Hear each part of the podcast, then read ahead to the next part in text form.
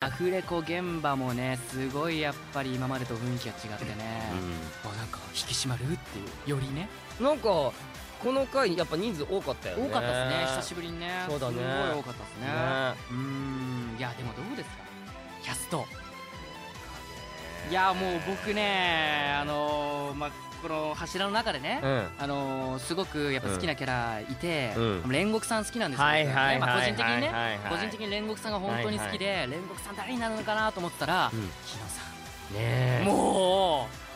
うよもう想像して た日野さんで日野さんで読んでた、うん、だから本当ありがとうっていう感じですよねっていうかうんあのー、この人またねええうるせえんですうよるさいんですよねうるさいんですよあー声でかいんですよ声ね結構張り目のねキ本当にャラクターですけどね本当にもうだから熱い男ですよ縁柱ですからねそうだね炎の柱ですからそうですねね煉獄京次郎ね